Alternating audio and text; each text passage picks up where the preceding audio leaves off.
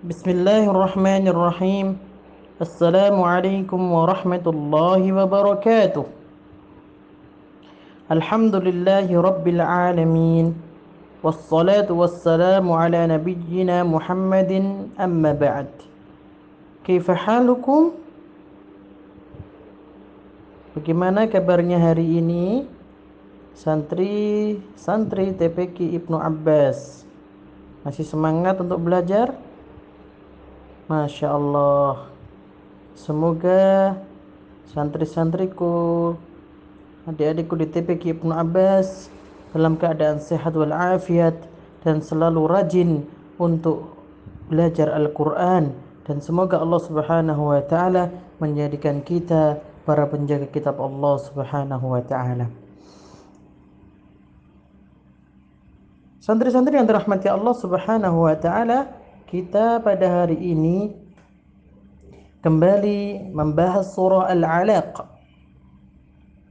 Surat yang Allah Subhanahu wa taala turunkan di kota Makkah. Ya.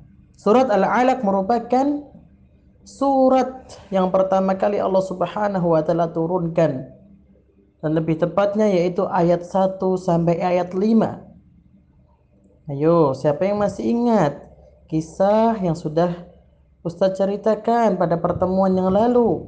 Bagaimana awal wahyu itu turun kepada Rasulullah sallallahu alaihi wasallam? Di mana Rasulullah sallallahu alaihi wasallam saat turun wahyu pertama itu?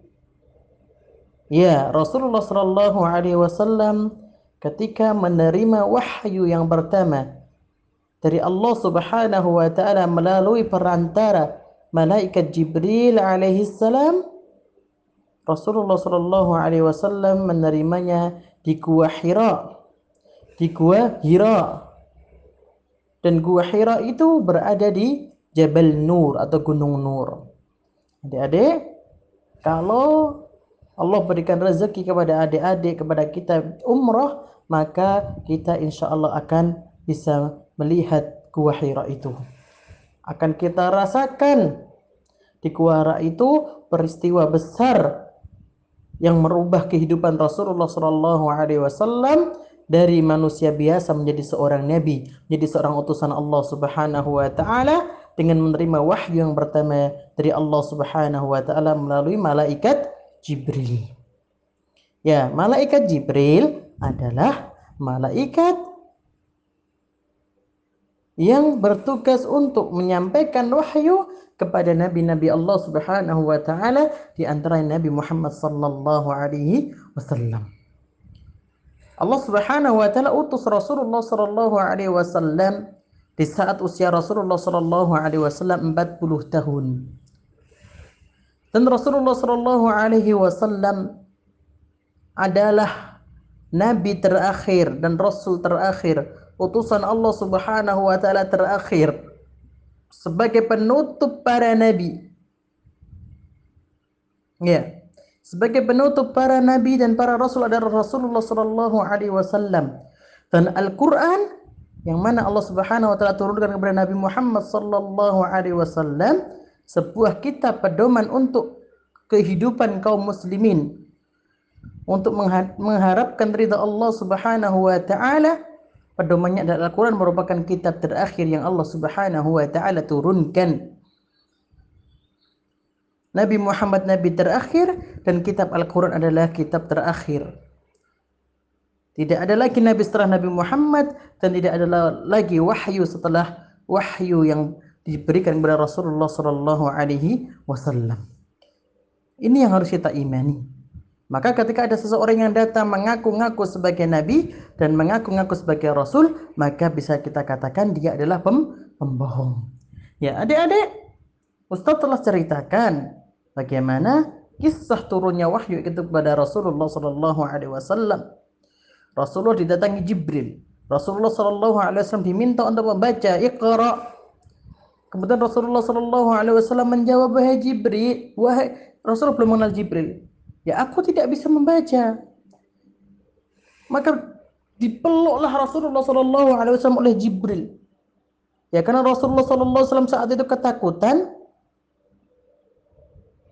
karena tidak pernah bertemu Jibril sebelumnya, belum mengenal Jibril sebelumnya, merasa yang orang yang ada di hadapannya itu adalah orang yang asing bagi dia. Maka ketika dipeluk, diminta lagi Rasulullah SAW untuk membaca Iqra. Kemudian Rasulullah menjawab, Ma'ana biqari, aku tidak bisa membaca. Sampai ketika kalinya akhirnya Jibril mentalkan Rasulullah Iqra bismi rabbikal ladzi khalaq menyampaikan ayat ini sampai lima surat Al-Alaq lima ayat. Kemudian Rasulullah sallallahu alaihi wasallam kedinginan, takut dan akhirnya beliau datang kepada istri beliau yang berada di rumah yaitu Khadijah dan berkata zammiluni zammiluni zammiluni selimuti aku selimuti aku selimuti aku ya bayangkan seseorang yang takut saking takutnya sampai kedinginan. Maka kemudian sang istri pun menghibur wahai suamiku jangan bersedih. Jangan khawatir. Kamu bukan orang jahat. Kamu adalah orang yang baik. Maka Allah Subhanahu wa taala tidak akan pernah membinasakanmu. Allah Subhanahu wa taala tidak akan pernah mencelakakanmu. Kamu orang baik. Pasti yang datang pada waktu kamu di Gua Hira juga orang baik. Tidak akan berniat jahat kepadamu. Itu kata Ibunda Siti Khadijah radhiyallahu taala anha. Kemudian akhirnya Ibunda Siti Khadijah radhiyallahu taala anha datang kepada anak pamannya yang bernama Waraqah bin Naufal dan bercerita kejadian di gua Hira tersebut maka kemudian Waraqah bin Naufal mengatakan jangan takut jangan khawatir. Dia adalah Jibril yang dulu juga datang kepada Nabiullah Musa alaihi salam.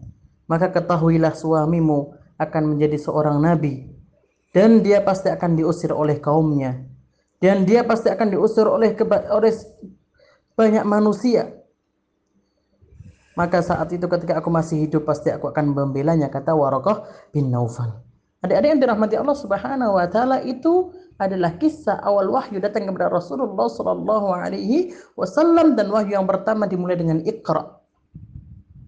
Karena memang Al-Qur'an itu adalah kitab yang Allah Subhanahu wa taala turunkan kepada Nabiullah Muhammad dan Nabiullah Muhammad diminta untuk menyampaikan kepada kaumnya kepada umatnya dan kita termasuk umat Nabi Muhammad sallallahu alaihi wasallam maka ada perintah kepada kita untuk ikra ikra artinya membaca jadi ya, tahapan pertama ataupun urutan pertama ketika kita mempelajari Al-Qur'an adalah dengan kita membacanya Ketika kita beriman kepada Al-Quran, maka amalan yang harus kita lakukan untuk pertama kali adalah membaca. Masya Allah adik-adik sangat bersyukur, santri-santri TPK Ibnu Abbas sangat bersyukur. Ya, kita bisa berajar, kita bisa belajar di TPK Ibnu Abbas dengan ustadz-ustadz kita. Dari kita belum tahu huruf A, belum tahu huruf B, rufta kemudian ustaz kita mentalkan dengan sabar. Abata kemudian kita bisa membaca Al-Qur'an. Iqra. Bismi rabbikal ladzi khalaq. Bacalah dengan menyebut nama Allah Subhanahu wa taala yang menciptakanmu ya adik-adik yang dirahmati Allah Subhanahu wa taala ada yang tahu pahala membaca Al-Qur'an pahala membaca Al-Qur'an sangat banyak satu huruf ada sepuluh kebaikan. Dua huruf ada dua puluh kebaikan. Tiga huruf ada tiga puluh kebaikan. Dan alif lam mim itu adalah tiga huruf. Dan di dalamnya ada tiga puluh kebaikan. Ketika kita membaca kul huwallahu ahad ada sebelas huruf maka ada seratus sepuluh kebaikan. Sungguh bahagia, sungguh beruntung ya orang-orang yang dapat membaca Al-Quran, yang bisa membaca Al-Quran, kemudian membaca Al-Quran pada waktu siang dan waktu-waktu malam. Ingat doa kita ketika kita selesai menggaji, selesai TPK apa doanya? Yang kita ucapkan setiap hari sebelum doa kafaratul majlis. Allahumma rahamna bil Quran. Ya kan? واجعله لنا إماما ونورا وهدى ورحمة Ya Allah rahmatilah kami dengan Al-Quran Waj'alhu lana dan jadikan Quran itu bagi kami hudan Ya nuran wa hudan wa rahmah cahaya petunjuk dan rahmat. Ya Allah ingatkanlah kami apa yang kami lupa darinya. Allahumma dhakkirna minhuma nasina wa'allimna minhuma jahilna dan ajarkanlah kepada kami apa yang kami belum mengetahuinya. Warzuqna tilawatahu ana al-lail dan berilah kami rezeki untuk senantiasa membaca Al-Quran ana al-lail di waktu-waktu malam wa atrafan nahar dan di waktu-waktu siang adik-adik yang dirahmati Allah Subhanahu wa taala khairukum man ta'allama al-Qur'ana wa 'allamah sebaik-baik kalian adalah yang mempelajari Al-Quran dan mengajarkannya. Semoga bermanfaat. Alhamdulillahirrabbilalamin. Wassalamualaikum warahmatullahi wabarakatuh.